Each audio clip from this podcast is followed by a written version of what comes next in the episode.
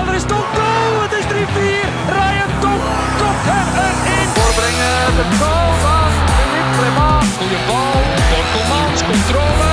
Schot, Vital Borkelmans, goal voor Club Brugge. Met Vormer. En lang in 1-3. Club Brugge doet het licht hier helemaal uit. Farina,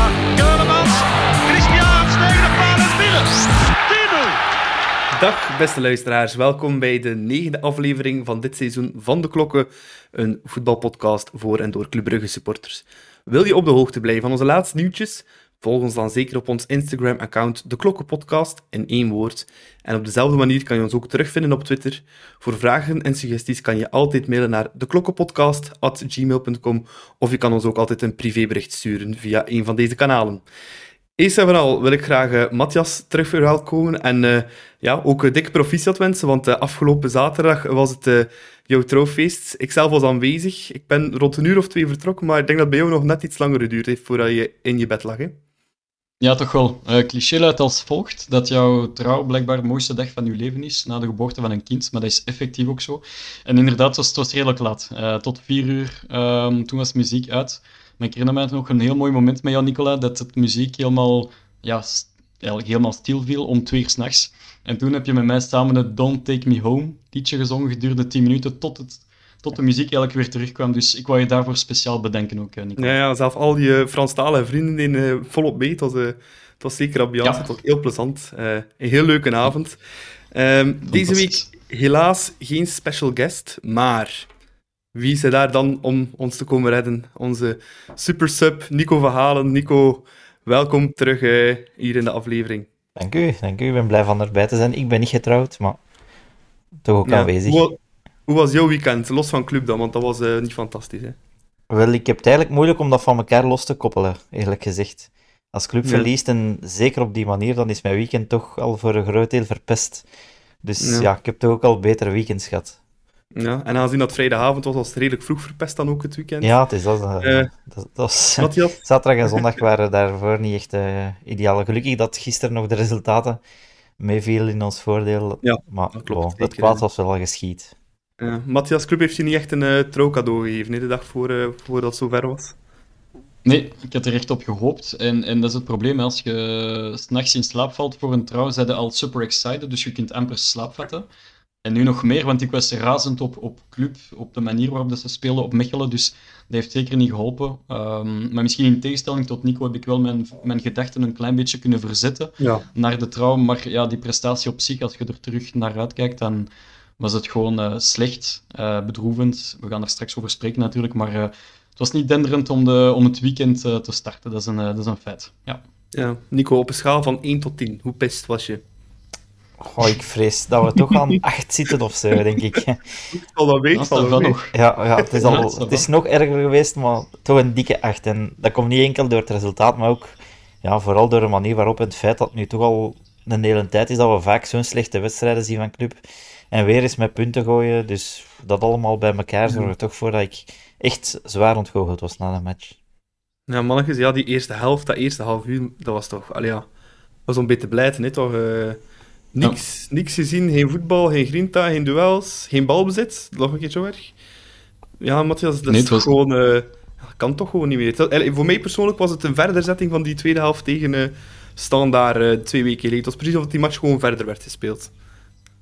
Nee, het was, het was abominabel slecht. We stuurden nog naar elkaar, want we hebben die aparte WhatsApp-groep. En, en in, alle, in alle geledingen eigenlijk, echt van, van verdediging tot middenveld tot aanval, was het gewoon slecht. Ik vond enkel dat Dost er wel keihard voor Ja. ging vanaf minuut 1, dus dat vond ik echt wel. Maar de rest, ehm, het was een beetje eh, aangekondigd ook. Hè. Van Aken had twee keer, eh, twee keer 90 minuten met de Rode Duivels gespeeld. Charles de Ketelaar was, was ja, je- je zag hem gewoon niet. eh, zoals tegen, tegen Wales, dat was ook een beetje het geval. En dan Noah Lang is, is al weken naar, naar zijn beste vorm aan het Ah, zoeken. Dus Speelde die mee, Noah dus Lang? Ik heb hem niet gezien. eh. Ik heb dus zijn armen niet omhoog we zien zetten- gaan, dus Ja, Ja, ja, inderdaad. een beetje- een beetje wapperen. ja, handje geweest. nee, maar het was... Het was eh, Freestyle was het nog wel lang. eh. Ja, nee, inderdaad. Dat was, dat was echt... Allee, ik, vond, allee, ik, ik zei dat niet rap in de, in de chatgroep, dat het dramatisch was, maar na een half uur was ik zo, zo gefrustreerd Ja. van de manier dat er gespeeld werd. eh. Ja, allee, Ja. Nico, versta je dat dan? Voor de, voor de winterstop komt dan eh, Vincent Mannaert de, de kleedkamer binnen om dan een hele tirade af te steken tegen, tegen die mannen. En dan, ja, dan twee weken later is het gewoon exact, exact hetzelfde. Ja, inderdaad. En ik verwijt hem dat toch ook echt. Ik ben ervan overtuigd dat club iedereen kan overklassen als ze met mis tussen de tanden spelen en met veel meer goesting.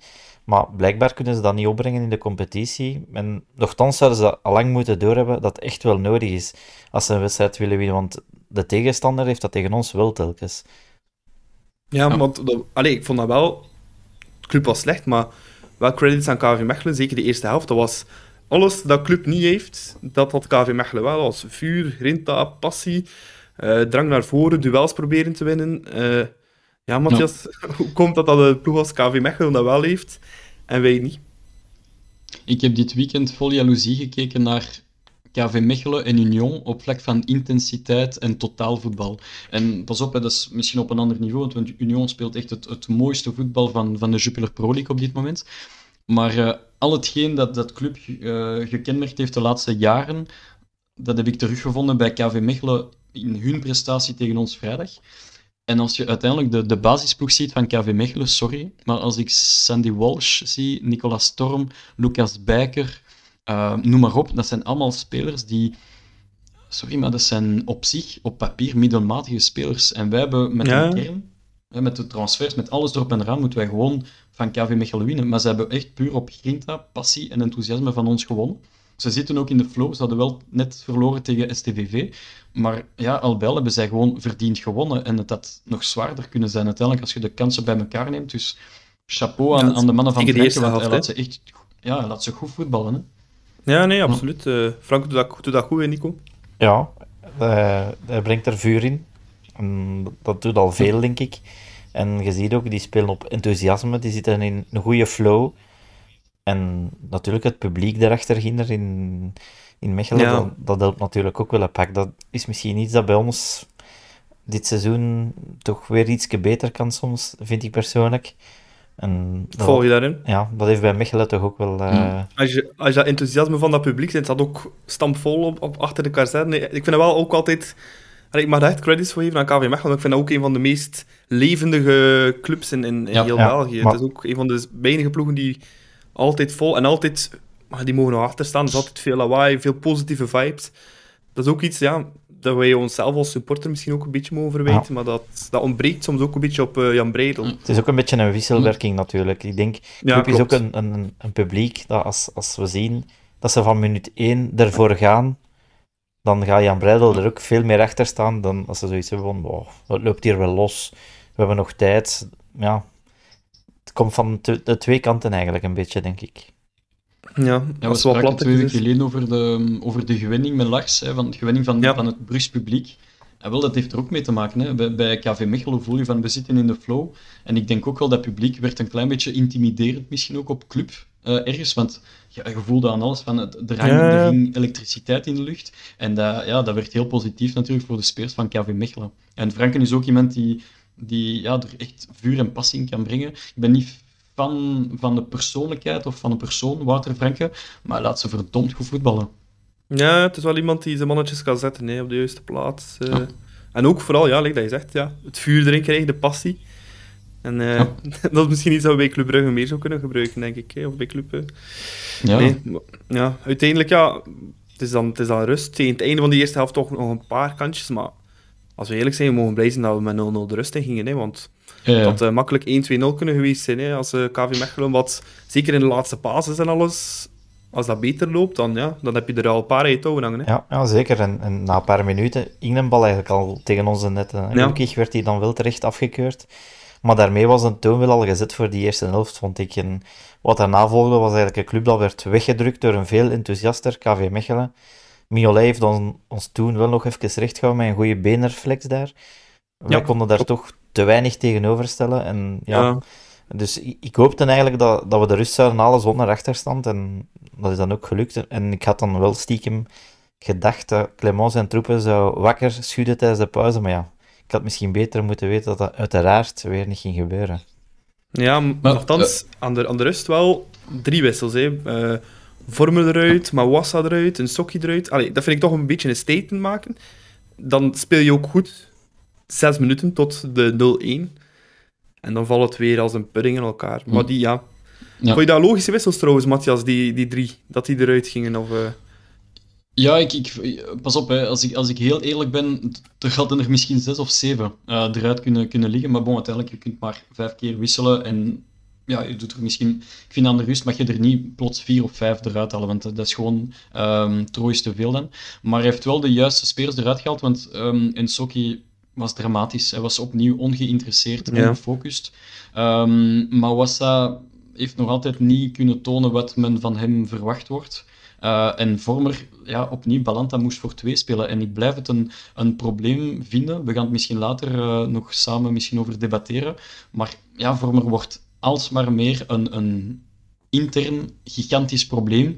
Uh, op vlak van, ja, zou ik het zeggen, correlatie tussen middenveld en aanval. En tussen verdediging en middenveld. Want je voelt dan alles als Vormer meespeelt, dat wij een, ja, een gigantisch gat niet wordt opgevuld en dat de tegenstander daarop kan inspelen. Want je voelt ook dat Franken bepaalde richtlijnen heeft gegeven aan zijn ploeg van jongens, als Vormer meespeelt, dan zijn er ongelooflijke gaten op het middenveld van club en daar moeten wij van profiteren. En dat zag je heel hard in de eerste helft. Dat zag je iets minder in de tweede helft, maar met ja, maar de tweede helft zat hij er ook niet meer op, hè, Vormer. Ja, was eraf, hè. Wat ik ook opvallend vond, Matthias, want het tegen de standaard ook al over Vormer. Allee, je noemde hem, maar met een groot woord, een beetje een alibi-loper, maar dat was deze match juist hetzelfde weer. Ik heb gekeken naar de statistieken. Oh. Eén duel weer. Eén duel heeft hij aangehaald Nee, in heel, heel de eerste helft. Maar Tegen Standaard ook één duel. Dus hij heeft op... ehm tegen Standaard, hoe lang is het tegen gespeeld hebben? 60, 70 minuten? Dus Ja. plus 45 minuten. Dus op eh 100, 110, 120 minuten vormen er twee duels, waarvan eentje Ik, gewonnen. ik denk dat we nu al weten wie dat er niet zal spelen op de 8 tegen Leipzig. eh, Ja, ik hoop het, want allee, ja, Dan, dan hebben we helemaal een probleem. hè. Rits zal wel spelen, net als in de meeste Champions League kam- eh, wedstrijden, denk ik. Ja.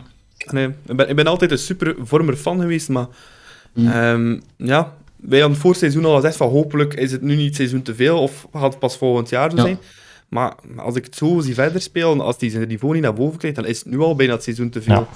op club. En dan gaat het voor hem zijn, oftewel, nou, hij is misschien nog te jong om zijn carrière te beëindigen. Ik weet niet hoe oud is hij, 33? Ja, 33. Ja. Ja, ja. Ja, het wordt, Dan gaat wordt, het dan worden ehm, of volgend jaar bij een ploeg als Oostende of zo te waren. Maar, eh, Het wordt een beetje persoonlijk pijnlijk. Hè? Met, met, de jaar, met de jaar wordt het echt pijnlijker. En je voelt Ja. het wel al een beetje aan vorig jaar. Toen vond ik echt wel frappant van oei, er is wel een niveauverschil tussen de vormer van twee seizoenen geleden en van vorig seizoen. Maar dit seizoen is het echt wel ja, nog meer frappant eigenlijk. Want elke wedstrijd dat hij meespeelt, voel je dat Balanta voor twee middenvelders moet spelen. En waardoor dat Balanta soms te laat komt op de nummer 6 positie, omdat hij de gaten moet invullen van vormer die te hoog speelt. Dus ja, en daardoor creëer je ook chaos bij de verdediging en bij de aanvallers, omdat ze niet begrijpen waarom dat vormer zo hoog speelt, of waarom dat hij zich soms helemaal laat inzakken. Dus het is heel eigenaardig. Nee, maar ik, allee, moet wel zeggen natuurlijk, ik moet Vormer alle credits geven voor alles wat hij gedaan heeft voor club. Want allee, hij zit hier nu al zeven, zeven jaar.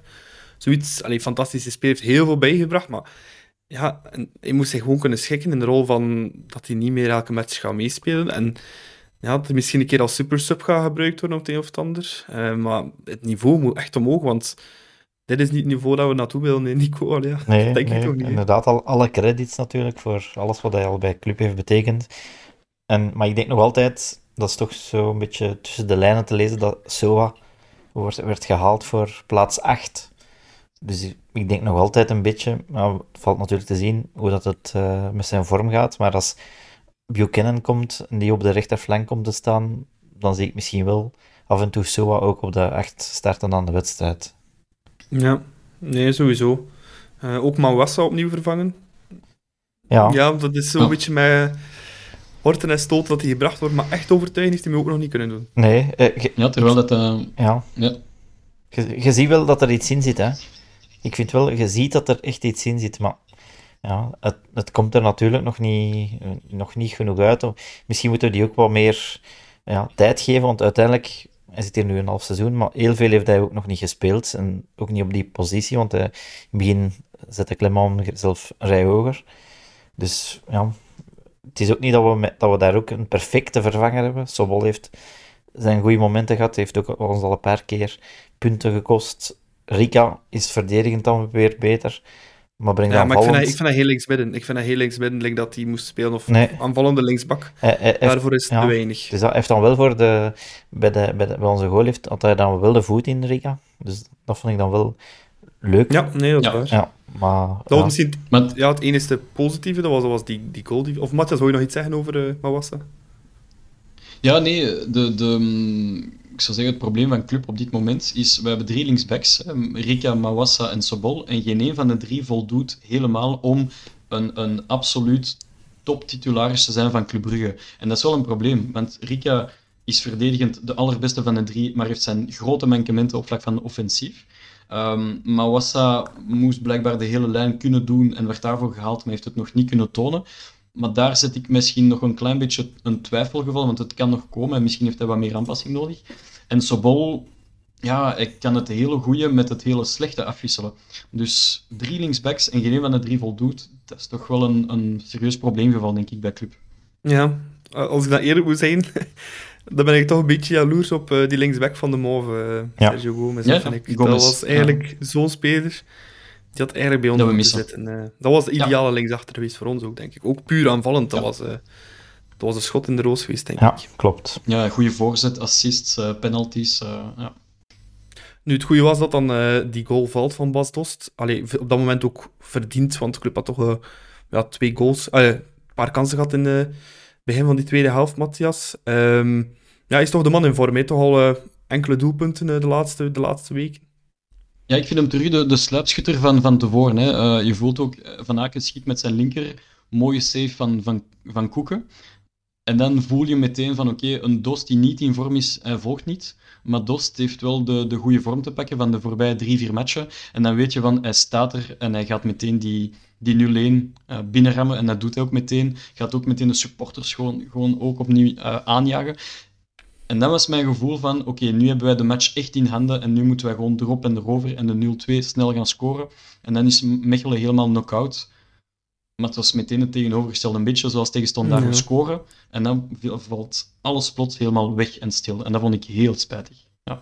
Ja, nee, inderdaad. Nu, gelukkig hebben we Bas Dost en Nico, want wel, nee, ik ging vragen me af, ja, wat zouden we doen zonder Bassie? Want eh, dat hadden we helemaal een probleem, denk ik.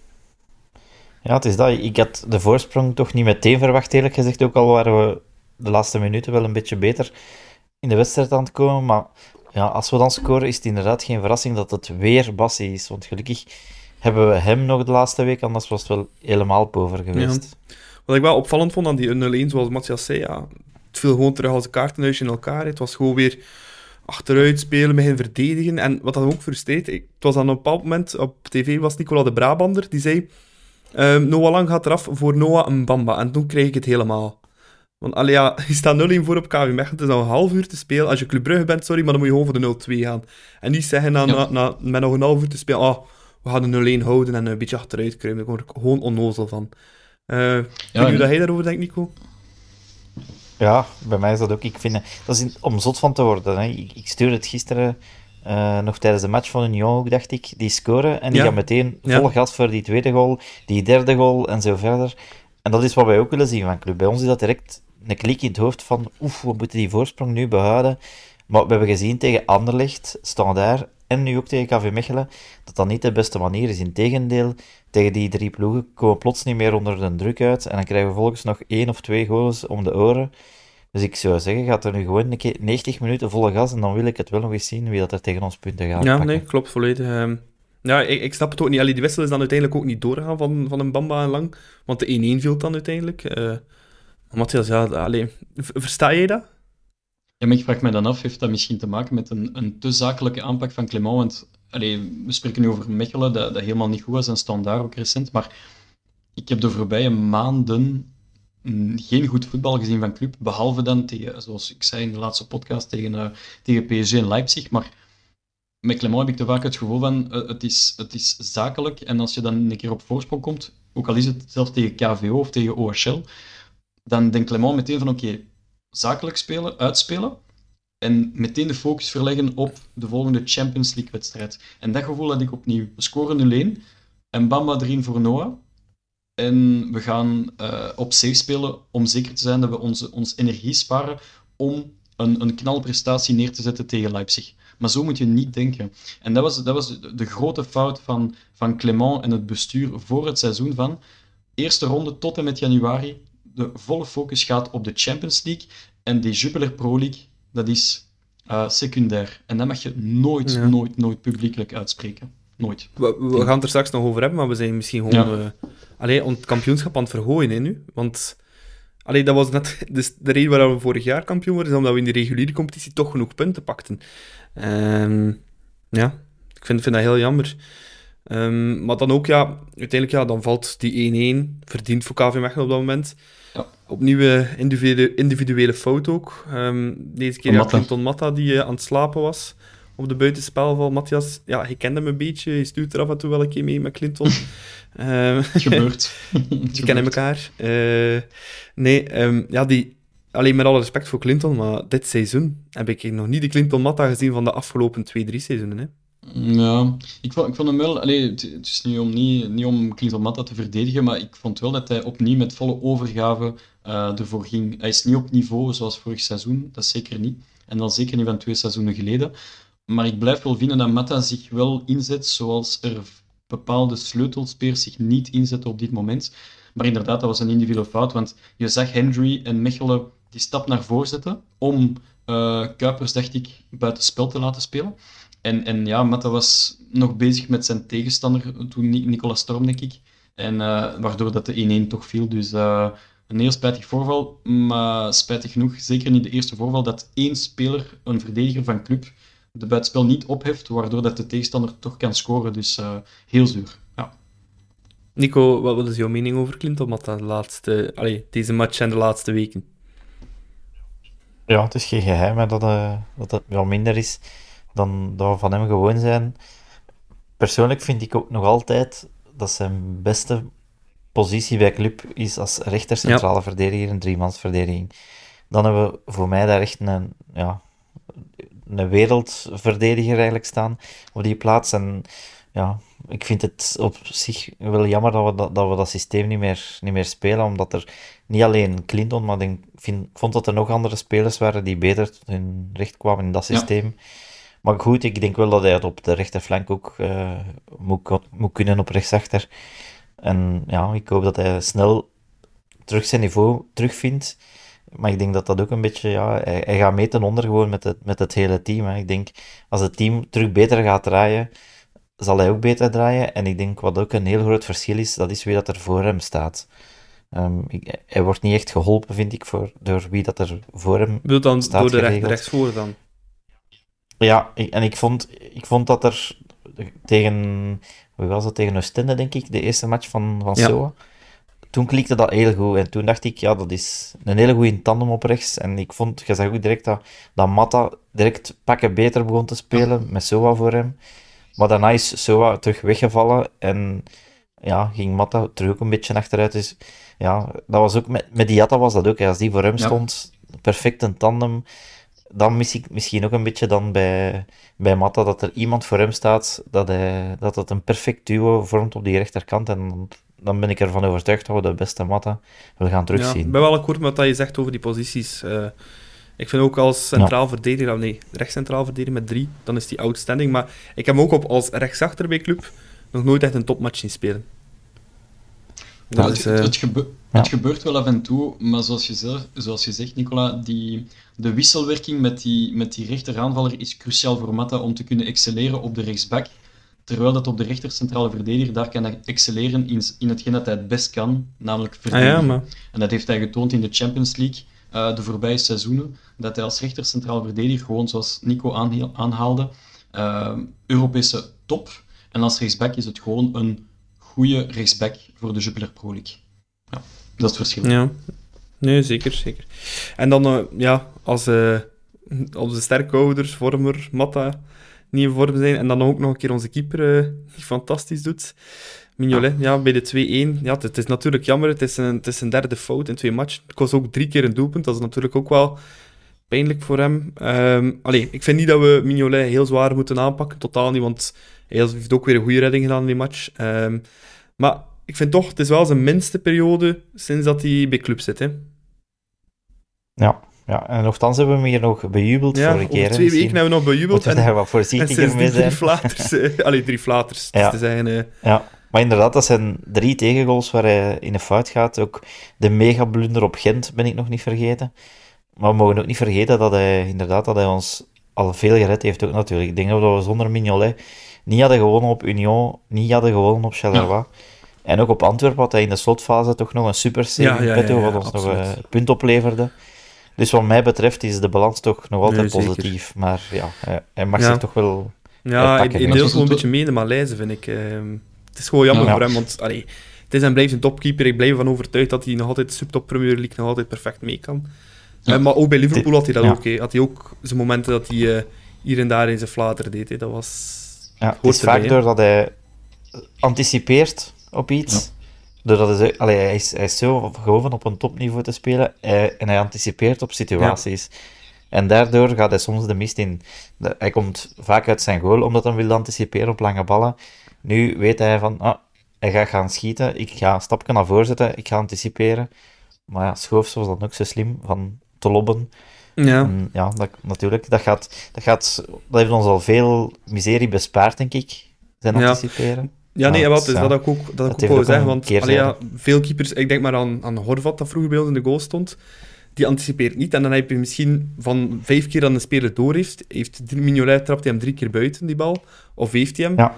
Terwijl bij Horvat had hij misschien vijf keer één op één gaan. Maar ja, hij pakte dan misschien een keer één meer. Maar eh, ik heb dan toch liever een Mignolet die dan Ja. Vaak anticipeert, waardoor er minder die één tegen één situatie komt, dan dat je een keeper hebt die niet het spel leest of minder uitkomt, waardoor je daardoor in de problemen geraakt. Ehm, dus ja, en dan af en toe, Ja, een keer noemt dat, de bluts met de buil nemen en eh, ja, dan, dan loopt er een keer iets los. Zoals tegenstander, dat was het perfecte voorbeeld van zo'n anticipatie die eh, volledig fout liep. Hè. Maar ik vond het, ik vond, ik vond het wel Ja. vreemd dat die, dat die goal van Schoofs eh binnenging. Want ik, ik dacht echt wel dat Mignolet nog die bal over zijn kooi ging, ging kunnen wegtikken. Maar dat was niet het geval. Dus het was zo, hoe sterk dat zijn hand was tegen de kopbaldoel, tegen de kopbal van Sek, hoe slap was het met, bij, die, bij die loop van Schoofs. Maar het is een beetje hetzelfde als, die goal van Engels eh, tegen Antwerpen. Ja. hè. Het probleem is dat, dat er niet genoeg kracht zit, dat er niet veel kracht zit op die bal. En dan moet je ook gewoon zelf meer kracht zetten om die bal erover te duwen. Maar nu kon hij hem maar zo lichtjes mee raken. Maar ik denk, de, de grote fout in die goal is dat zijn positie hij staat een klein beetje Ja, te veel naar voren. en dat is ook dat de reden waarom dat Schoofs probeert. Hè. Ja, maar wel een pra- prachtig, prachtig doelpunt van Schoofs. Eh, ik vind Ja, altijd zeker. een, een speler zwaar ook, on- ja, onderschatte middenvelder hè, in, in België, vind ik wel. Ja, een beetje geflopt bij Gent, maar eh, op het niveau van KV Mechelen vind ik dat echt een, Ja. eh, een, een topspeler, absoluut. Maar ja, het is natuurlijk wel jammer hè, voor Simon dat, dat zo weer moet gebeuren. Maar bon, ja, voor hetzelfde geld pakt hij tegen Leipzig een penalty en is hij weer eh, de grote held van Brugge. Laat ons hopen. Hè. zou mooi zijn. Ja. We zouden het kunnen gebruiken, Moet- denk ik. eh. Moet, moet nog blijven. Ehm, ja. We hadden ook nog invallers, een Bamba en Soa. Ehm, ja, die konden ook het tij niet keren. De wissels waren ook weinig inspiratievol. Hè. Ja, en hij zo, zo acteerde op zijn laatste prestaties als, als titularis, eh, namelijk ehm, ja, slechte voorzetten. Ik, al zijn voorzetten, al zijn corners, vrije trappen, al hetgeen dat hij geraakt heeft, was altijd te laag. Behalve dan die laatste mooie voorzet op Van Aken, die bijna de 2 de 2-2 binnenkopt. Maar het ging zo net over, net over de kooi van Koeken. Maar voor de rest was het, eh, ja, was het opnieuw ja, vintage Soa, namelijk niet goed. En, ehm en Mbamba ja, kon het tij niet keren, maar dat verwacht je ook niet van een jonge kerel van 16 die als nummer 6 speelt. Dus ehm, van Noah Dat niet moest mogen, zeker niet komen. Nee, dat zou zeker niet mogen. En ik vind ook dat die jongen, en ik vind het heel spijtig voor hem, maar hij wordt vaak gebracht in momenten dat je denkt van, ja, spijtig, want je, je gunt het die jongen om op, om op een heel hoog niveau met een goed draaiend team zijn kunnen te tonen. En dat heeft hij nog niet echt kunnen doen dit seizoen. Dus, eh, maar het komt nog. Ik verwacht een, een grootste carrière voor, voor Noah Mbamba. Maar op dit moment is het niet zo heel fijn presteren, ook niet voor hem, eh, op het middenveld van Club Brugge. Ja. Nico, eh, ik denk dat je daar ook bij aansluit, of niet? Ja, ja, helemaal. Ik denk ook. Zo uh, had ik ook niet verwacht dat hij de wedstrijd ging keren, maar ja. Veel andere opties waren er ook Ah ja, niet natuurlijk. En zoals Matthias terecht zegt, ja, Mbamba ja, dat dat is nog jong, speelt op de zes. Dat is ook niet een man waar, waarvan dat we dan moeten verwachten van die gaat hier de wedstrijd doen kantelen. Dus Had- ja, Hadden jullie er dan geen andere het spelers heeft niet in mogen zijn. In plaats van een Bamba en zo? Ja, kijk, ik, denk, ik zie niet direct wie dat we eventueel nog konden brengen. Ja. Ik denk dat de, ze zeggen altijd dat de kern zo breed is, maar natuurlijk, ja. Als een Wesley en een Izquierdo eigenlijk zogezegd niet fit zijn of, of, of, of ja, niet 100%, ja, dan vallen er vooraan natuurlijk ook wel wat mogelijkheden weg. Wat ik wel een, een spijtige... Van de Brunt dat Ja, het waren twee spelers dat ik heel spijtig vond. Dat was uh, Noosa, die niet werd opgeroepen. Want ik denk dat, dat dat wel een jongen is die zo plots een, een, een vonk kan brengen uh, aan het team. Ja. En, uh, Ja. en Cisse Sandra, Ja. bon, hij was ziek, hè, dus heel spijtig. Want ik denk dat... Want Cisse Sandra werd wel opgenomen in de, in de selectie. Maar uiteindelijk zondag werd hij plots ziek. Uh, hopelijk geen covid door Injas van der Bremt. Maar dat is ook zo'n speler die wel schoen kan brengen samen met Noosa in een match dat het plots moeilijker gaat voor club. Ja. Ja. ja, en als je dan ook nog een keer de, de, de statistieken erbij haalt van de wedstrijd.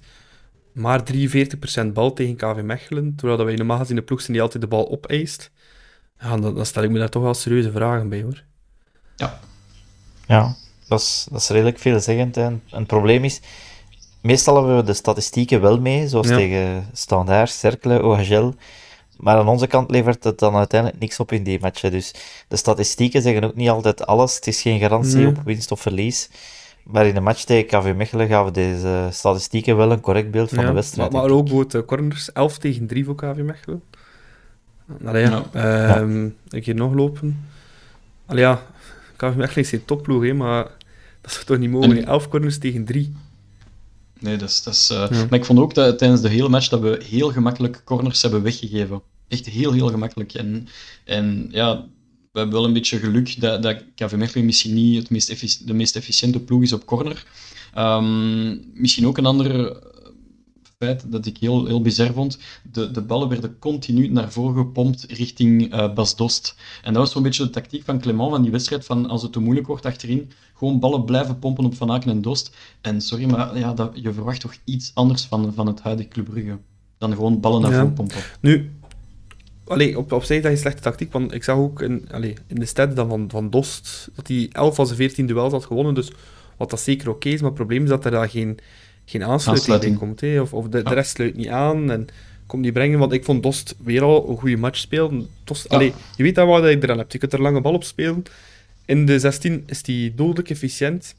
Ja. En altijd, als hij speelt, moet er een keer op letten, altijd in één of in twee tijden max. Ja. Altijd.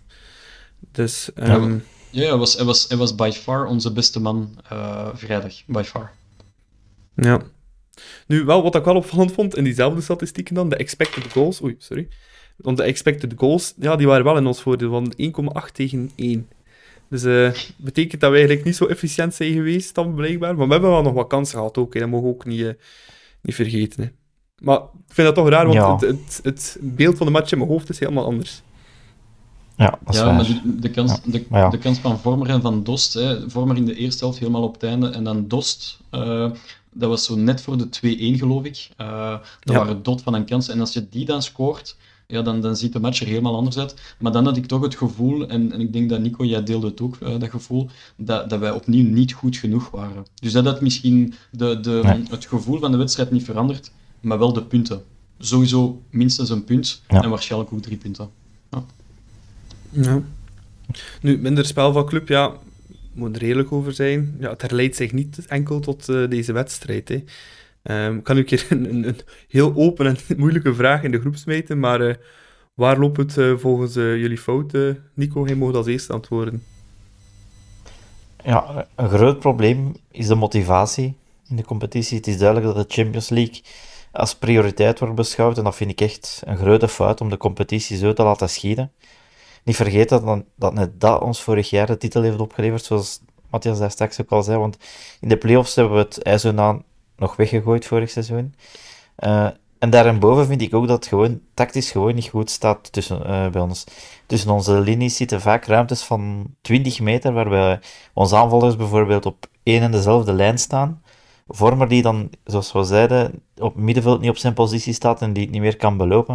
En dan hebben we inderdaad nog geluk dat daar zo'n Balanta staat, die het meeste nog kan opkuisen. En ja, de, de, de trainer van de tegenpartij ziet dat ook, hè, die, dat die heel gemakkelijk onze, ons middenveld kunnen omspelen door ene pas tussendoor. En ja, dan hebben die meteen één of twee mensen meer in een aanval. En ja, ik vind ook als we dan balbezit hebben, is het vaak een lange bal naar Dost die dan ja, kan doorkoppen of probeert terug te kaatsen. Maar vaak zijn we dan de tweede bal ook nog eens kwijt. Dus ja, we proberen dan ook nog eens via de flanken met Matta soms die, die oprukt. Maar waarbij dat dan de voorzet soms verloren gaat. Dus ik, ik vind wel dat ons plan tussen quotes, als dat er al is, echt niet meer werkt. En dat dat dringend moet worden herzien. Ik heb echt een indruk dat het zo is van ja, doe maar iets en we rekenen op een klasseflits, klasseflits van Noah of Charles. Maar ja, als dat, als dat juist degenen zijn die totaal uit vorm zijn of vermoeid zijn, ja, dan heb je helaas niet meer veel om op terug te vallen, denk ik. Ja, Noah Lang, het is ook een beetje... Alleen sinds zijn eerste selectie daar bij Nederland, uh, alleen niet deze interlandperiode, maar de vorige, sindsdien, ja, heel weinig, hè. Op, uh, op Sint-Truiden, één goede actie met een assist, maar voor de rest begint toch ook stelletjes aan. Ja. Een beetje, alleen probleem is een groot woord, maar um, het is toch niet meer de lang die we gewoon zijn. Het is ook zijn minste periode bij club, tot nu toe. Ja, en, en, en ik vind dat ook redelijk frustrerend als ik hem dan bezig zie op veld met zijn, met zijn armen ja, dat, dat die gestes en zo. Ja, dat is... Dat erger ik mij misschien nog meer aan dan, dan aan, zijn, aan zijn spel. Ja, ik, ik vind... Je mag dat doen als je zelf top speelt, drie panna's doet en twee goals ja. scoort. En dat je dan 4-2 achter staat omdat je verdediging slecht is. Maar uh, als je zelf geen bal raakt, geen actie, allez, geen actie doet of niks, bedoel, dan moet je gewoon zelf een beetje in de spiegel gaan kijken en een keer... Uh, ja. Allee, ja. Allee, ik ben een grote noaf, ik ben heel veel clubspelers serieus op het afbreken, maar uh, de frustratie is het type zelf Nee, nee, want dat is... Dat is. Ik, heb, ik heb een truitje met zijn ja, hand erop. terecht. Daar ben ik een grote Noah Lang van, maar ja, het is, het is niet de Noah die we geworden ja. zijn voor het moment. Als ik zelf een keer zou moeten nadenken van, allee, wie is voor mij nu op dit, tot, dit, tot nu toe de, de speler van het seizoen, de beste speler van het seizoen, dan kom ik uit bij Jack Henry of uh, Eter Balanta. Ik bedoel, allee, we zijn wel Club Brugge, hè. we zijn wel een, ja. een ploeg die wel aanvallen, die naar voren moet. We zijn de landskampioen. En dan zou onze verdediger middenvelder, onze verdediger, de beste speler van het seizoen moeten zijn tot nu toe. Maar, da maar da daar ligt het probleem. De sleutelspelers van vorig seizoen, uh, Vormer, Van Aken, De Ketelaren, Noah Lang, dat zijn allemaal spelers die, die echt uit vorm zijn op dit moment. Van Aken valt al wel nog mee, maar Vormer... Van Aken en, Noah Lang... Van Aken en De Ketelaren vind ik dat je nog respect kan geven. Vormer is drama ja, dramatisch. Ik denk misschien meer aan de, aan de voorbij of aan de meest recente weken. En okay, het feit dat er geen interlands meer zijn tot, tot maart is al een positief punt, vind ik. Want als die, als die spelers terugkomen van, van interland, is het altijd miserie. Dat hebben we echt al, al vele malen uh, gevoeld ook. Um, maar vooral, ja, Noah Lang de laatste weken, die is, die is, ja, die is, die is onzichtbaar. En zoals Nico, ik ben een gigantische Noah Lang fan.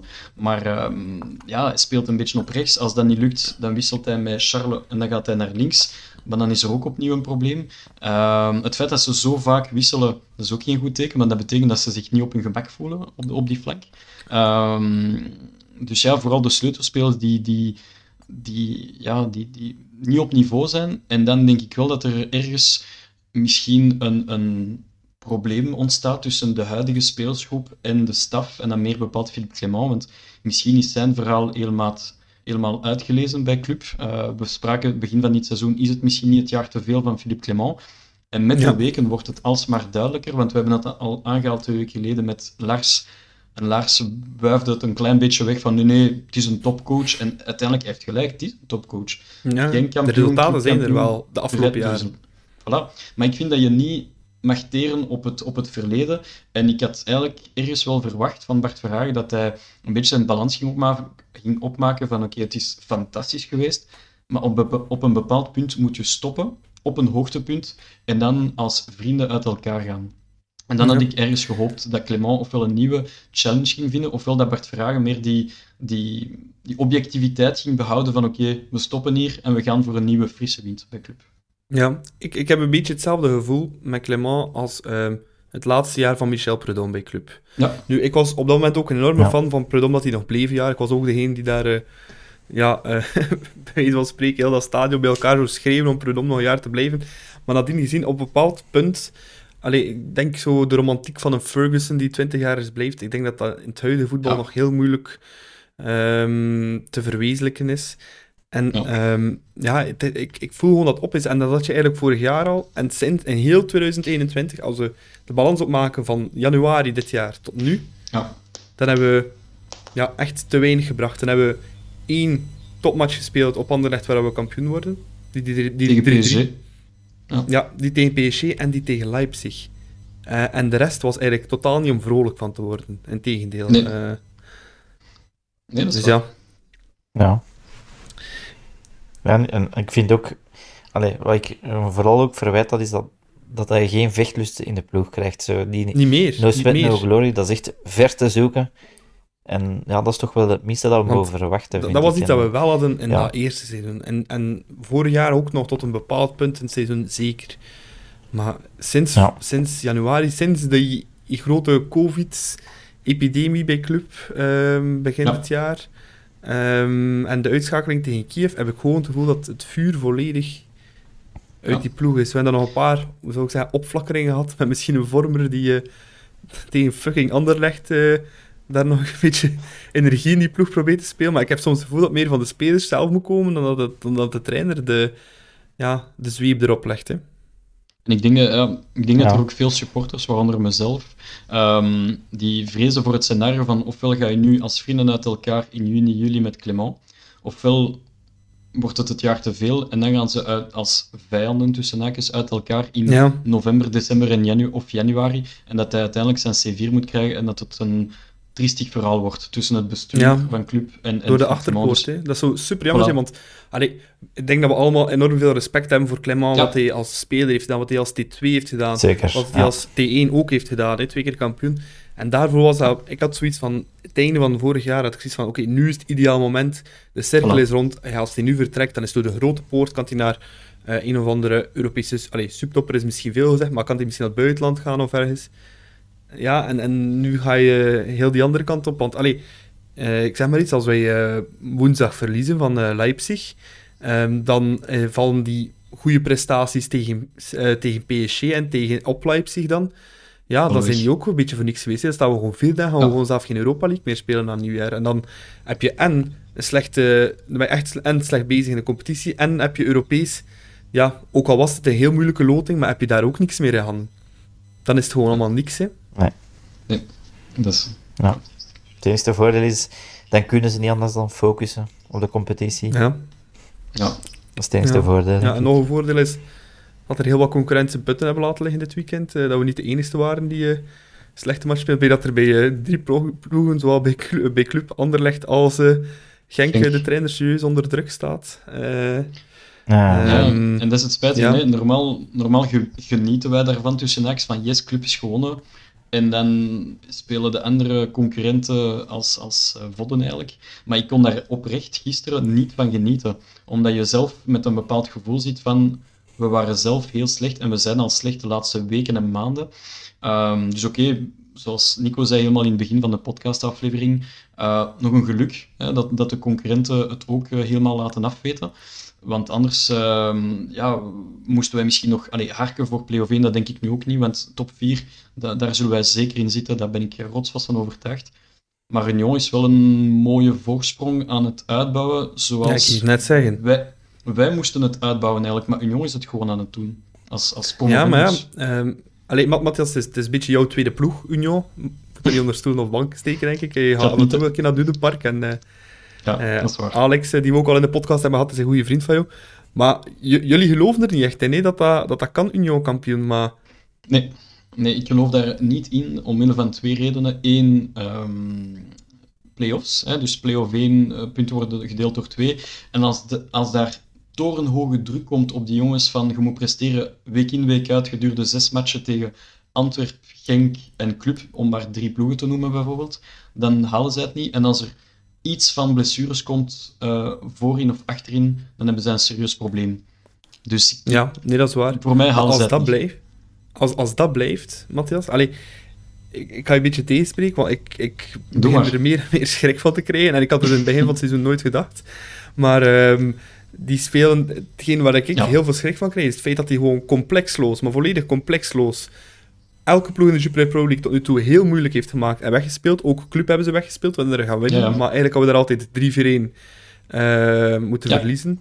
Eh, en je zegt misschien wel die druk, maar als Union play-off 1 haalt, dan, bedoel, dan, is het, allee, dan, is, dan is het feest al compleet. Ik bedoel, er is daar geen druk. Hè. En het zijn maar zes matchen in de play-offs. De, de waarde of de, de, de grote waarde van de play-offs. Vroeger was dat 10 matchen, 30 punten. Nu zijn het er maar 6 niet meer, maar 18 punten te verdienen. Hè. Als, als ze daar één of twee... Als, stel dat ze met, eh, met een punt of 4, 5 voorgaan en ze winnen een match of 2, 3, dan zijn ze er. Hè. Veel, veel meer moeten ze niet halen, hoor. Ja, ze hebben wel, eh, wat wel in jouw voordeel spreekt, Nicola, ze hebben een zeer gemakkelijk programma tot en met de winterstop. Ik denk dat ze spelen tegen Cerkel, Zulte Waregem, Eupen en nog twee andere mindere ploegen. Dus als ze daar nog verder hun, hun, ehm, hun punten kunnen uitbouwen ten opzichte van de concurrentie, ja, dan ziet het er wel goed uit. Maar ik heb nog altijd dat, dat druk op zo'n jonge ploeg. Ehm, bepaalde spelers spelen ook echt veruit boven hun niveau. Ik denk aan Burgess Ja, en, en ja. Nieuwkoop. Dat heb je nodig zijn- als je kampioen wil spelen. Ja, maar ik denk nog En altijd... zo hebben wij er een- geen één lopen hè, op dat moment die boven niveau uitsteekt. Nee, nee maar Ja. ik, denk, ik denk nog altijd dat ze niet te vergelijken zijn met OHL en Beerschot. Want iedereen zei in het begin van het seizoen, oké, ze zijn op die vibe en op die, op die wolk van OHL en Beerschot vorig seizoen. Ik vind ze wel stukken, stukken, stukken beter spelen dan OHL en Beerschot vorig seizoen. Dus ik zou ze daar niet mee vergelijken. Misschien wordt het een Leicester-verhaal, wie weet. hè, Het zou kunnen. En als ik dan één ploeg iets kan gunnen Ja, als de club niet is, ja, dan is het zeker Union en niet Antwerpen of Genk of Anderlecht natuurlijk. Ja, ze hebben wel de gunfactor mee, Nico. Denk, vind ik. Ze hebben de gunfactor, ja, maar dat wil niet zeggen dat ik, in, dat ik, dat ik heel blij ben elke, we- elk weekend dat ze weer drie punten pakken. Want ja, dit weekend, ik, ik stuur het ook, ik zeg, die mannen moeten wel eens beginnen te Ja, verliezen. dat stopt want, niet, hè. allee, vier punten, zeven punten. Pas op, volgend weekend wij naar Genk. Voor hetzelfde geld staan die tien punten voor. hè, Want ik denk dat zij thuis Leuven Ja. ontvangen, als ik mij niet Ja. vergis. Ehm, ja, ik bedoel, wij, wij hebben ook kampioen gespeeld door onze Ja. perfecte per- prestaties in de competitie. En zoals dat je ook zegt, Nicola, ik zie, als die, als die play-off 1 starten met, met zo'n voorsprong, ja, die spelen zonder druk. Ja, als die tweede moet, worden, is, dat nog een, het meest, meest crazy seizoen Ja. ooit. hè. Bedoel, eh, er, er zit daar geen En- druk achter. Hè. Ja, en oké, die hebben een kleine kern, zo gezegd, maar die spelen wel elke week met dezelfde elf. Die spelen geen Europees natuurlijk, maar die hebben ook precies geen last Ja. van blessures. Ook, ook of, geen beker van België niet meer. Hè. Dus die paar extra matchen die er anders bij komen, zijn er ook niet meer. Hè. Ja. Ja, en die zitten zo in die flow. Ik denk dat die, ja, ik denk eerlijk gezegd, als, ook natuurlijk door, door het puntenverlies van zowel Club als Antwerpen, als Genk, als Anderlecht, alle andere ploegen verliezen week na week punten. En ja, ik, ik, vind het zelfs niet spannend als, als, als ik zie Union speelt. Gisteren, ja, na één minuut was het eigenlijk al 0-1, het wordt dan afgekeurd. Maar vijf minuten later maken ze dan gewoon de echte 0-1, direct de 0-2. Eh, tegen Charleroi ook, dacht ik ook van, hmm, als er één ploeg is die Union misschien wel nog kan moeilijk maken, dacht ik wel misschien Charleroi. Ja, Zonder boem, 4-0, complexen. hè. boeken toe. Ja, dat is... Club weggespeeld, Allee, standaard 4-0, vind- op Anderlecht gaan winnen. Ja. De, Ja, ik vind het echt indrukwekkend en ik zie die machine ook niet, niet zomaar stoppen de, eigenlijk. de, de sleutelmatch voor die mannen was op Gent. Daar verdienen ze eigenlijk te verliezen met 4-5-1. En het wordt uiteindelijk 0-2. Ehm, het was een regelrechte wonder dat ze die wedstrijd hebben gewonnen. Maar dit heeft wel een gevoel van onoverwinnelijkheid gebracht in die ploeg. Van, als we hier zelfs nog winnen, ja, dan kan alles. En dan hebben zij terug die flow gevonden, want tegen Gent waren ze echt niet goed. Maar dan hebben zij terug die flow gewonnen en 4-0 gewonnen tegen Charleroi, 1-7 tegen KVO. En dan zit je weer in die flow. Maar ik blijf het nog altijd... Ik zou het heel vreemd vinden mochten zij toch kampioen spelen. Ze mogen mij verrassen, want als er één ploeg mag zijn buiten club, dan is het wel Union. Maar ik blijf... Ga je mee vieren, Matthias, als, het, eh, als ze kampioen spelen? Oh, nee, nee ik, zal, ik zal heel tevreden zijn, maar ik blijf clubsupporters... Nee, ik blijf, ik blijf clubsupporter nummer één. En voor mij, als club dit seizoen geen kampioen speelt, dan blijft het een serieuze aderlating en, en ik zou het er heel moeilijk mee hebben. En zeker als Union kampioen speelt, dan ga ik echt denken van, wat hebben we hier weer al laten liggen? Ja, nee, dat is echt de titel laten liggen, nee, klopt. eh. Ja. Ja, maar één keer in zoveel jaar gebeurde het. één keer een, eh, een kleine ploeg. Lierse was de laatste. Ja. Ja, Lierse en ja, Leicester was ook was inderdaad het beste Ja, voorbeeld. Leicester. Maar in de Premier League is Eh, ook één keer om zoveel allee. tijd. Blackburn heeft het ooit ook een keer gedaan in de Premier League. ja. Ja, ja, ja. Dus, Wilde Waregem ja, er een keer heel dichtbij geweest? zomaar. Ja, dat, dat vind ik wel nog altijd heel ja, jammer. nee, dat hij ook wel graag kampioen dat worden. Met het toen niet gehaald heeft. Jens Kenaase scoort Ja. ja, met die Afgeweken bal van trap Biglia. van, eh, van Biglia. God, God, van Biglia. Ja, ja, toen heb ik wel Ja, gevolgd. ik ook. Toen was iedereen eh, van club. Allee, voor die ene week zult Waregem supporten, want toen hebben wij ook op Waregem de titel, allee, de, de kans op een mogelijke titel laten Ja. schieten. Ja, Ehm, dat is Ja. Een andere vraag. Ehm, ja, we zeggen de stoel van Clément wankelt, maar de vraag is dan ook... Allee, stel nu, deze week loopt het dramatisch af. Eh, we, we verliezen tegen Leipzig, we verliezen van Genk en we liggen uit de beker volgende week. Ja, dan denk je dat Clément ook gewoon buiten ligt. Maar dan vraag ik me ook af... Allee, we mogen wel pretenderen dat we vinden dat het moet eindigen, maar op dit moment is er wel niet echt, denk ik, een alternatief dat klaar ligt voor op korte termijn club op, op de rails te zetten. Of, of hebben jullie wel namen in jullie hoofd? Maar ik heb, ik, heb, ik heb niet per se namen in mijn hoofd, maar ik denk wel dat club zal gaan voor een totaal ander type. Er zijn zoveel coaches vandaag op de markt, al dan niet met een ploeg of zonder ploeg. Maar ik denk wel dat club voor, de, voor het juiste profiel zal gaan. Ik herinner mij Ivan Leko na het Predom-tijdperk. Iedereen keek zo van, oei, eh, Ja. waarom? Maar uiteindelijk bleek wel de, de geknipte profiel te zijn om Predom op te volgen. Dus zoals eh, er is een gezegde dat zegt van oké, je weet wat dat je kwijtraakt, maar je weet niet wat dat je gaat krijgen in de plaats. Maar ik denk wel dat Vragen en Manhart de juiste keuze gaan maken van welke coach het- onze Brugse kern, het blijft nog altijd een topkern, terug op de rails kan brengen. Dus ik, heb niet, ik, ga, ik ga niet in paniekmodus eh, inschakelen als, als Clement plots weg is binnen drie, vier weken. Want ik heb liever dat ze zo één à twee weken wachten om de juiste profiel binnen te halen en dan verder gaan met, ehm, met onze T2 of T3 eh, la limiet. Ja, de enige naam dat ik een beetje in mijn hoofd heb is Alexander Blessen, eventueel. Maar ja, die verliest ook met één van hè? Union. Zijn ballon, zijn ballon is wel een beetje doorprikt, hè? Ja, Vind ik. maar voor de Rangers zou hem heel graag hebben. Hè. Eh, of zat er alleszins achter toen dat Jared vertrok naar eh, Aston Villa? Ja. Heb ik gehoord. eh, Ja. Maar ik denk niet dat het geworden is. Het is ook geen toeval dat Koeman en Solskjaer juist eh, buiten liggen. Hè. Die willen altijd Oh, graag naar laat club het komen. hè. Als je een van de twee moet kiezen, niet moet kiezen. hè. Solskjaer of, eh, of Koeman. Je bent United van, hè, Pas. Nico? Dus, eh, Joker. Ja, ja, ja, maar nee, liefst geen van beide. Wat, wat ik misschien wel nog zie, een, allee, qua, qua naam of qua type, gelijk dat je zei, Ivan Leko, zie hem terugkomen. dat doet mij een beetje denken dan aan Wouter Franken. Dat Oh. Vooral. Zo jonge, jonge trainer, passie. Ik, ik denk wel dat, dat dat zo het type, ik zeg niet, niet daarom hij, maar ik denk wel dat dat zo het type is waar dat ze misschien... Ik, ik, ik naar op vrees zoek dat... zouden allee, ik, ik zat Franke hoog in als coach, maar ik vrees dat hij een beetje hetzelfde probleem heeft als- Mazu. Mazu Ja, en bij Franke Genk. zijn geen coaches voor topploegen. Voilà. Eh, Ja, en ik denk ook niet dat, dat hij zelf, en Mechelen zeker niet, happig Nee. zijn misschien om... Nee, eh, ja, dan denk ik dat we wel zoiets mogen betalen als die wel Frank- met Frank is een- hè. Ja, Frank Ja. zijn persoonlijkheid vind ik dat dat niet... Je, je voelt ook dat, dat het bestuur van club, na het verhaal van Ivan Leko, die we allemaal kennen, dat ze nu wel mikken op een persoonlijkheid die met hun gaat matchen. Dus iemand die natuurlijk ehm, authentiek en, en heel veel daadkracht kan overbrengen aan zijn kern, maar die tegelijkertijd ook gaat luisteren naar het bestuur, want hè, dat blijven wel de twee topmannen. Ehm, en Franke is, zoals, je net aangaf, eh, Nicole en Nico, eh, dat is meer een coach voor een middenmotor. En dan denk ik wel spontaan plots aan Ed Stil van Charleroi. Eh, waarom Ed Stil? Het is een jonge coach. Het is iemand van het huis, tussen want hij heeft toch twee jaar topwerk geleverd op club. Ja.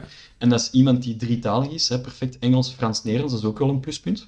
Ehm, en dat is wel iemand die de nodige vuur, grinta en passie kan overbrengen aan zijn spelers. Misschien is dat nog net iets te vroeg, maar ik denk wel dat dat op een bepaald moment, dat Ed Stil ja. bij Club als T1 gaat, T1 gaat worden. Denken jullie dat uh, Manhart en uh, Vragen al een lijstje hebben liggen ergens van mogelijke opvolgers? Mhm. Ergens wel. Dat denk ik ook wel. Ik denk, club kennende, denk ik wel dat Ja. ze altijd een stap vooruit willen denken. En dat ze daar toch stiekem... Allee, ik zeg niet dat ze al contacten aan het leggen zijn, maar ik denk wel dat ze zo stiekem ergens wel een lijstje in hun Ja. hoofd hebben. Van met namen die eventueel zouden kunnen... Ja, allee, natuurlijk laat ons hopen misschien dat, dat Villen het zelf kan keren. Hè. Dat, dat zou nog altijd het mooiste zijn. Dat hij opnieuw kan kampioen spelen bij club. Dat hij Leipzig verslaat. Dat we in, in Genk gaan winnen voor de beker. En de competitie dat we ja, vertrokken zijn. Dat zou altijd het Uiteraard, mooiste zijn. Hè. Laat dat duidelijk zijn, Eh, vooral de laat- laat luisteraars. ons dat wensen Club het beste Ja. toe, hè. en Clement ook. Voilà. De, dus eh, ik hoop nog altijd op dat scenario. Maar ja, ik heb het moeilijk om, om het te Ja. geloven. Bon, we gaan een keer eh, de boeg langs de andere kant gooien. Een keer een positievere noot. Eh, in deze podcast mee. Het was al veel kommer en kwel geweest tot nu toe. Ehm, ja, iets wat dat wel goed was vandaag. Nieuws dat binnenkwam in verband met het eh, nieuwe stadion, is dat eh, er een oplossing is gevonden voor onze sympathieke groene buren. Allee, of dat je ze sympathiek vindt, dat, dat mag je helemaal zelf beslissen.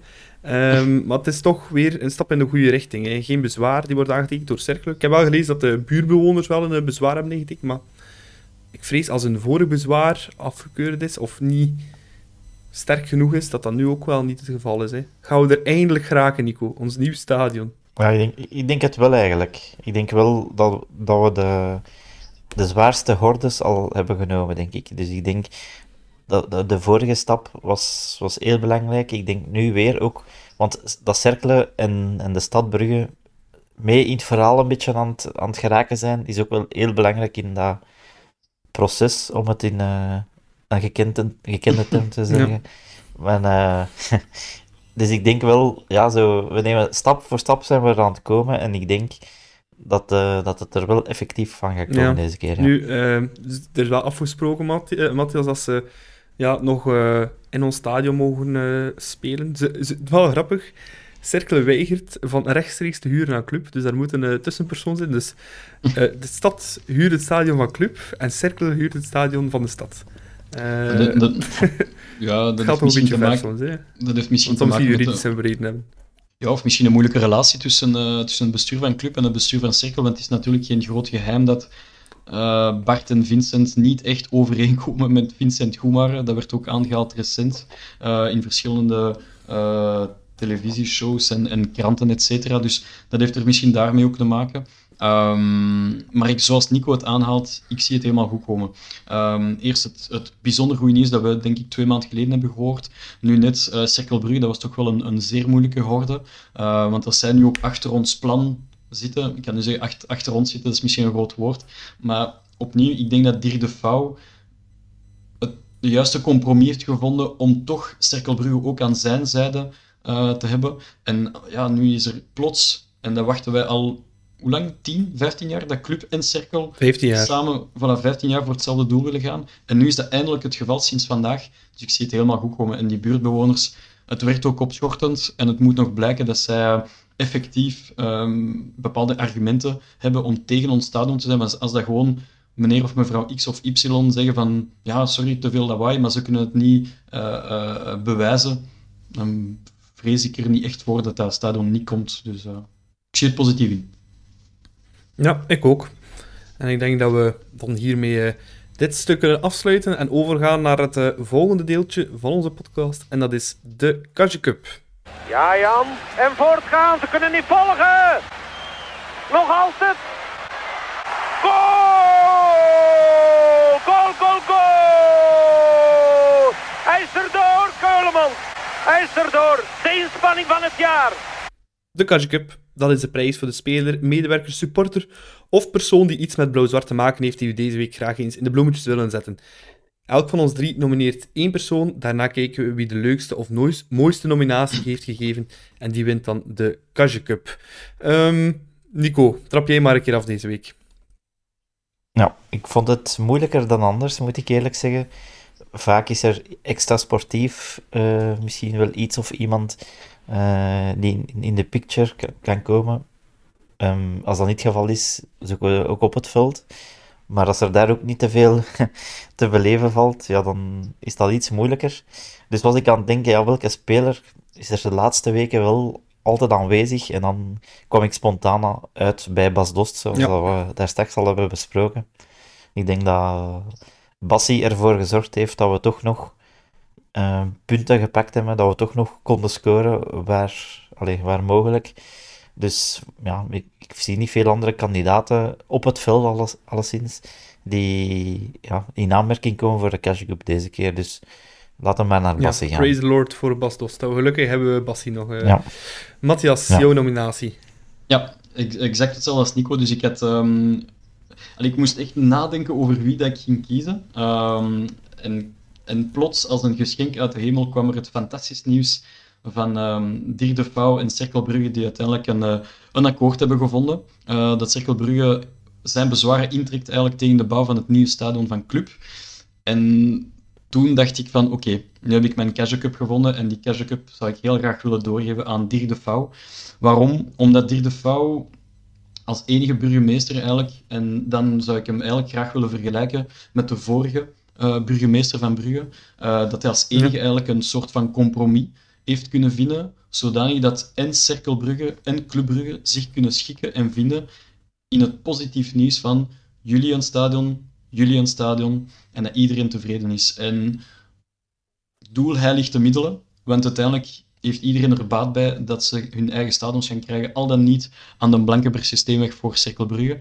En Club gaat zijn fantastisch uh, ja, Dortmund-tempel tussen nakens kunnen bouwen. Uh, dus ik zou heel graag Drie de Vouw een bloemetje willen gooien, want hij doet fantastisch werk. En oké, waarschijnlijk is hij iets meer pro-club dan pro-cirkel, want dat voel je wel aan zijn communicatie, eh, vind ik wel. Dus dat is ook fantastisch voor onze podcast. Beetje... Maar daarnaast... Ja, en daarnaast vergeet hij ook niet cirkel, want hij denkt ook, ja, we moeten ze allebei tevreden houden, want anders is dat een verhaal dat niet, gewoon niet kan kloppen. Dus Dier de Vouw, fantastisch, uh, fantastische man, en dat hij mag, zo mag uh, verder blijven werken. Ja, nee, nee, zeker. Terechte nominatie voor, uh, voor Dirk de Vouw. Ja, het is, het is knap dat hij gedaan heeft. En inderdaad, zoals je zegt, de perceptie is wel bij de mensen, en zeker hier in Brugge, dat hij meer de club van is dan de cirkel van. Maar langs de andere kant, hij heeft ook wel een oplossing gevonden voor cirkelen. En heeft ook, ja. allee, dat was zeker niet makkelijk, zeker gezien de zeer verzuurde relatie tussen alle voorzitters, om, om, om daar een compromis te vinden. Ja. Dat is heel sterk gedaan. Want ook politiek gezien, zeker lokaal, dan heeft hij zich ook niet heel populair gemaakt. Ja. Maar in Brugge heb je wel wat mensen die tegen dat stadion doen, zeker uh, op en rond het huidige stadion, die niet willen dat er een nieuw stadion komt. Dus Alia um, heeft wel een, een lans gebroken uh, voor club. Ja. Misschien wel had het hem wel zijn, uh, zijn burgemeesterschap kosten de volgende legislatuur, weet het niet. Maar ja. um, ik denk dat er bepaalde mensen het serieus zullen aanrekenen. Anderen dan, ja, ik, ik geef hem nog een keer extra mijn stem uh, volgende keer. Uh, als ik hier mag stemmen in Brugge voor, uh, voor Dirk. Ik er rust voor uitkomen. misschien, nee, dus, ja, misschien nog iets positiefs. Hij, hij, heeft ook in alle discretie gewerkt op die twee dossiers. Hè. Dossier ja. van twee, drie Niks is uitgelegd ook, hè? Niks is uitgelegd. dus dat wil ook iets zeggen. Dat, dat hij een man, is, een man is van zijn woord. Maar waarschijnlijk heeft en club en cirkel gevraagd dat hij niks kon lossen, nog in politieke kringen, nog in voetbalkringen. En het is hem ook gelukt, want die, die, het nieuws van vandaag wist niemand van. Dus chapeau voor de man. En uh, dat hij nog lang burgemeester van Brugge mag aanblijven. Ja, kijk, dit de foto wat het uh, overlegcomité niet kan. Hè. Perslekken, hè. um, mijn uh, Cup deze week gaat uh, niet naar een speler van de A-kern, wel naar een speler van Club Next. Sisse Sandra, een heel leuke jongen, een heel leuke naam ook. Ik denk als die ooit in de A-ploeg komt, dat, uh, ja, hij enorm veel vocale steun gaat krijgen. Zo'n toffe, toffe naam. Ook een man met heel veel grinta, maar ook uh, hij is de leider bij, uh, bij Club Next. Echt een beetje de, de patroon van de ploeg, ook op dat middenveld. Scoort veel doelpunten en scoorde ook onlangs een hat-trick voor de U19 tegen Luxemburg, weliswaar niet de, de allergrootste in uh, voetballand of in uh, internationaal voetballand. Maar uh, ja, je moet het toch maar maken als middenvelder. Drie goals, ook bij Club Next. Ja, super belangrijk. En ehm, als ik kijk naar het spelniveau van Vormer, um, ja, laat Sandra maar komen hoor, voor op die achter gaan spelen. Um, van mij mag Clément ja. of gelijk wie hem stilletjes al wat meer beginnen brengen. Ik denk dat hij er ook stilletjes aan klaar voor is. Dus, Breng die rozen naar Sandra. Breng die rozen naar Sandra, absoluut. En Roos is dan toevallig nog Oei, de vrouw van... Ja, nee, dat komt niet goed, denk ik. Dan hebben we helemaal een kleedkamerprobleem. Nee, maar zoals je zegt, Nicola, um, ik verwacht ook Sandra nu niet als titularis de komende weken of maanden. Nee, nee. Maar dat ze die wel voorbereiden om naar volgend seizoen toe, dat hij wel de nieuwe nummer 8 wordt van club. Uh, desondanks vind ik nog altijd dat ze ergens moeten investeren, misschien in de winter of in de zomer, in een nieuwe nummer 8. Maar het spreekt voor zich dat, dat Sandra en Mbamba allebei worden klaargestoomd om een grootste carrière te maken bij club. Ja. ja, dat is wel iets positiefs aan club, want dat is eigenlijk die echte kwaliteit bij de jeugd doorstromen. Hè. Ja. Uh, we hebben Charles de Ketelaren. Ik vind Van den Bremt de laatste tijd ook een stuk meer echt naar het niveau van club gaan. Ook al ben ik nog niet, net als Nico, zie ik twijfel in gezegd, nog niet 100% overtuigd, maar er zit bijvoorbeeld wel meer in dan bijvoorbeeld bij een storm, heb ik wel het gevoel. Ja. Uh, destijds, wat een beetje dezelfde positie was. Um, maar als je een Bamba ziet spelen, ja, dan weet je, binnen twee ja. jaar staat hij sowieso op de zes. Uh, ja, bij Sandra, die ene match tegen deze heeft hij wel echt kunnen bekoren ook. Dus, uh, Ja, en ook in de, in Ja, de ja, League. City. Die, die goal dat hij daar maakt, pff, amai. Eh, snelle Ja, ja, voetjes. het kan ongelooflijk voetballen. eh, dus eh, Ja. kijk, hopelijk binnenkort minder bij Club Next en me- meer bij eh, Club A-team. eh. Zal, zal, Maar bon, wie zal- geven we de ja. Kaja Ehm, Ik ben wel fan van eh, Bas Dost, want de man heeft eh, een heel moeilijke periode gehad. En om zich zo in al die sereniteit terug te werken en ja, zelf tot de Kaja Cup winnaar te kunnen kronen, vind ik wel straf. Dus eh, mijn keuze gaat naar Bas Dost. Eh Ik vind het mooi dat je voor mijn keuze gaat, maar ik ging eigenlijk voor die van Matthias gaan. voor Dirk de Fouw. ik wil die aan Dirk geven, omdat Ja, het omdat stadion er staat. Alhoewel, misschien dat ik hem dan Bart Verhagen zou willen geven. Ja, het is dat. Ik, ik, ik dacht, ik dacht, zoals we al vaak denken, van Bassi kan hem misschien nog, nog verdienen Nee, de rest van het seizoen. Bij Dirk de Vouw is het nu, de Ja, moment dat hij iets goed gepresteerd heeft. En Sisse Sander, denk ik dat hij de komende jaren ook wel nog genoeg Cash Cups kan winnen. Dus ik ging eigenlijk voor Matthias Oké, zijn keuze. dan eh, gaat de Kaja Cup deze week naar eh, onze lieve burgemeester eh, Dirk de Fouw. En ja, hopelijk zien we effectief in januari of in februari of begin volgend jaar de eerst, eindelijk die eerste steen liggen aan het, Ja. eh, op de oefenvelden van Cercle Maar dat geeft hem misschien ook wel de nodige extra druk om dat stadion echt te laten bouwen vanaf begin 2022. Dus eh, Ja. Nee, dat is waar. Wel, kijk, ik zal hem... eh, ik heb zijn nummer niet. Ik ga hem een berichtje sturen, maar dat gaat niet lukken. gewoon een, een, een, Ehm. een, een DM'tje via Instagram, dat is genoeg. Een DM'tje via Instagram. Hij gaat waarschijnlijk wel reageren als ik het hem doorstuur. eh. Wie weet. Voilà. Eh, woensdag, 21 uur s'avonds. D-Day voor Club in de Champions League. Club Brugge tegen RB Leipzig. Razenbalsport Leipzig. Ehm, Nico, valt of staat deze campagne met het resultaat van woensdag? Voor mij persoonlijk wel. Mm, ja, ja, in zekere zin toch wel. Ik denk, vier punten is wel nog altijd beter dan wat we hadden verwacht, denk ik, tot, tot nu toe. Dus sowieso hebben we het beter gedaan dan, dan de meesten dachten. Maar ja, met dat die vier punten er zo snel stonden, zou het nu wel extra zuur zijn als we toch niet, die, toch niet kunnen doorstoten naar de Europa League. Of wie weet zelfs, in het beste geval, toch nog de Champions League. Maar bon, daar ga ik niet van uit. Ja. Dus ik hoop effectief dat we dat de kerst op de taart kunnen zetten door niet te verliezen van Leipzig. Dan is die derde plaats een feit. Maar ehm, ja, het zal denk ik veel moeilijker worden dan, dan dat we ginder eh, hebben meegemaakt. Want die ploeg is, is toch serieus verbeterd de laatste weken. Ze hebben ook de afwezigen die, die er ginder niet bij waren, die zijn er nu wel Ja. bij.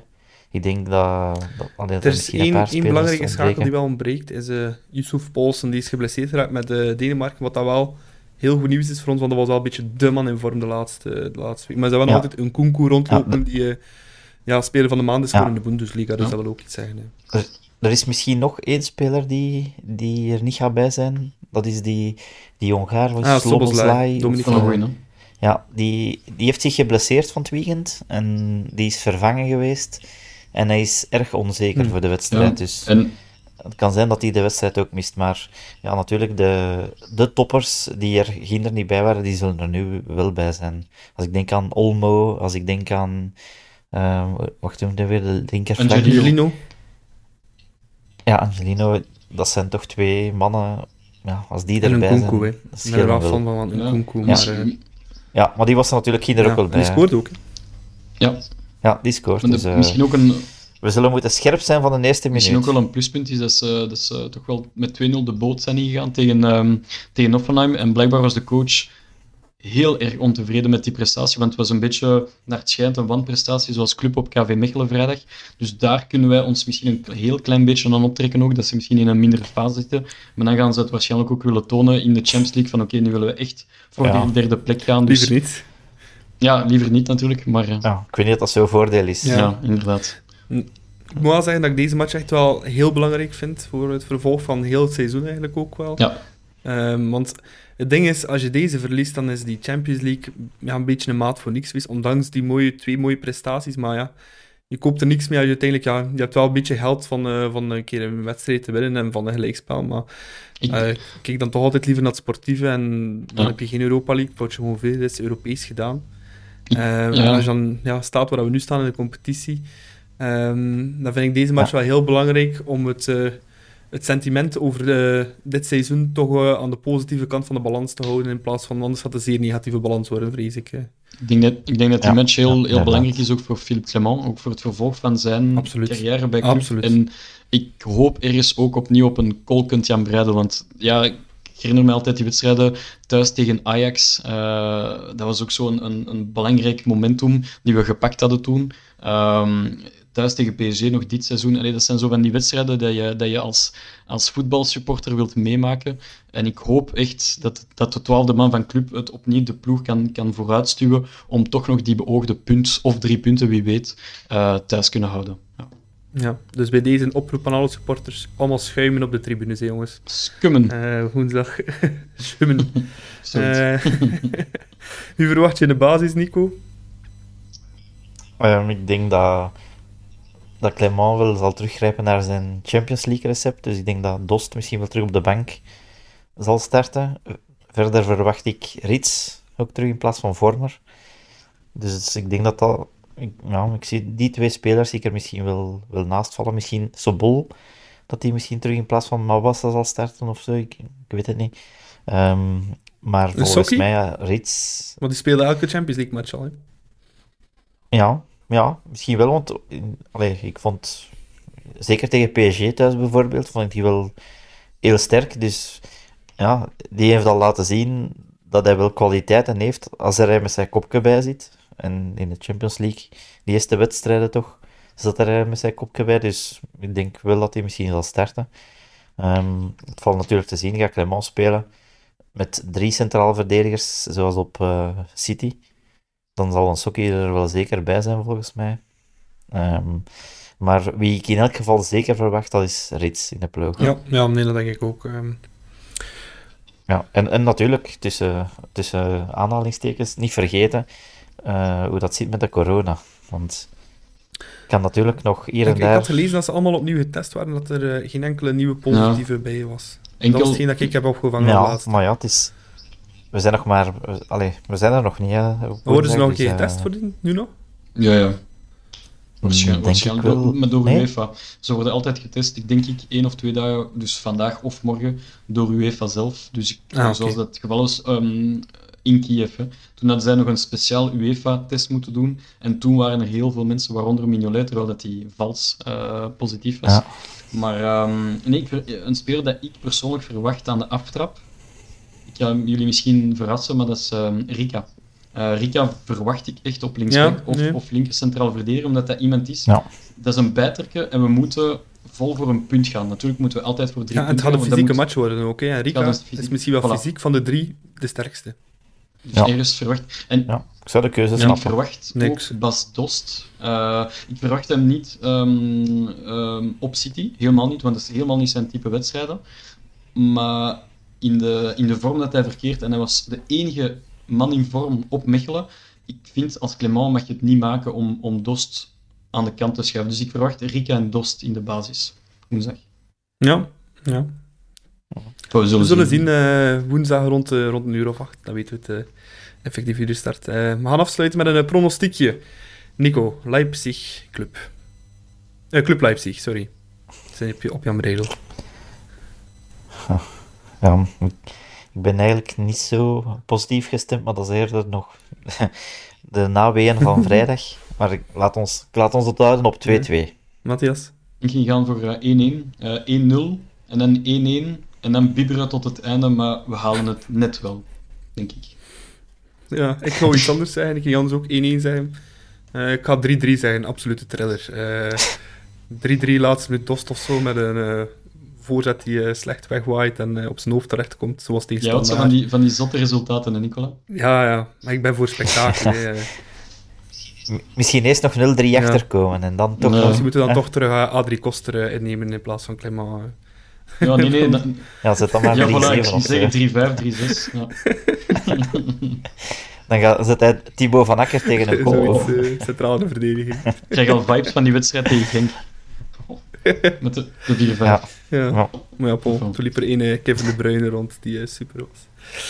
Voilà, dan zijn we helemaal op het einde gekomen van uh, onze aflevering. Eerst en vooral onze net getrouwde man, die ga ik gaan bedanken. eh. Matthias Dirks, super bedankt voor er opnieuw bij te zijn. Met heel veel en nu plezier. ga je toch een beetje genieten van, eh, van de honeymoon, hè? of een kleine Ja. honeymoon. Want het was eh, harken en zwoegen om mijn vrouw te overtuigen om toch die podcast eh, te mogen afronden met jullie, jongens. Maar het is mij gelukt, dus ik ben tevreden. Ehm, maar inderdaad, we gaan, er, we gaan ervan genieten. En ik ga vanuit Amsterdam, het wordt een heel kleine honeymoon, met de covid-maatregelen, ga ik toch opnieuw een wedstrijdclub eh kunnen meemaken op woensdag. Dus eh, met de streaming, Ja. dat wordt ook leuk. Je zeggen, eh, kun je een matchje van Ajax meepikken, maar het mag geen publiek binnen in, Neder- in Nederland. Hè? Nee, nee. Maar denk dat Dat ze op Be- Besiktas spelen. Ik denk dat ze zelf niet eens thuis spelen, Ajax. Ja, maar de, de, Als ik de, goed de- voor heb.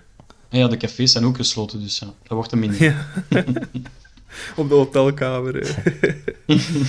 En, ja. en dan ga ik ook eh, Nico bedanken. Nico, Nico, je hebt wel nog een, eh, een luistertip voor ons. Hè?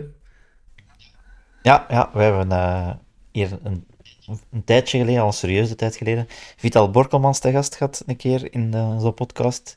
En nu heb ik gezien dat hij te gast is in de podcast van Mit Mit. Dus ehm, ik denk dat dat ook wel de moeite Ja, zal zijn. zeker. Ehm, we, hebben, we hebben hier onlangs Lars te gast gehad van de Shotcast, ook is ook genoemd geweest. Dus bij deze mag Mit ook eens genoemd worden als eh Brommerke daar te Ja, gast is. Voilà. Dus eh, ja, En dan mogen ze ook eens reclame maken voor ons. Hè. Voilà, zo zit dat. Dat is het minste dat ze kunnen doen. Voilà. Ehm, je kan ons eh, volgen op Instagram met de Klokkenpodcast in één woord. Op dezelfde manier kan je ons volgen op Twitter. Voor de rest kan je ons ook altijd via die kanalen een privébericht sturen of een mailtje sturen naar deklokkenpodcast.gmail.com als je ons iets wil vragen of sturen of Bedankt voor het luisteren en tot eh, volgende week al, want eh, we hebben nog een paar afleveringen in te halen. Dus volgende week al hebben we een nieuwe aflevering met eh, Nico en nog twee gasten, normaal gezien. Daar ga ik het op houden. Tot volgende week. Is 3-4.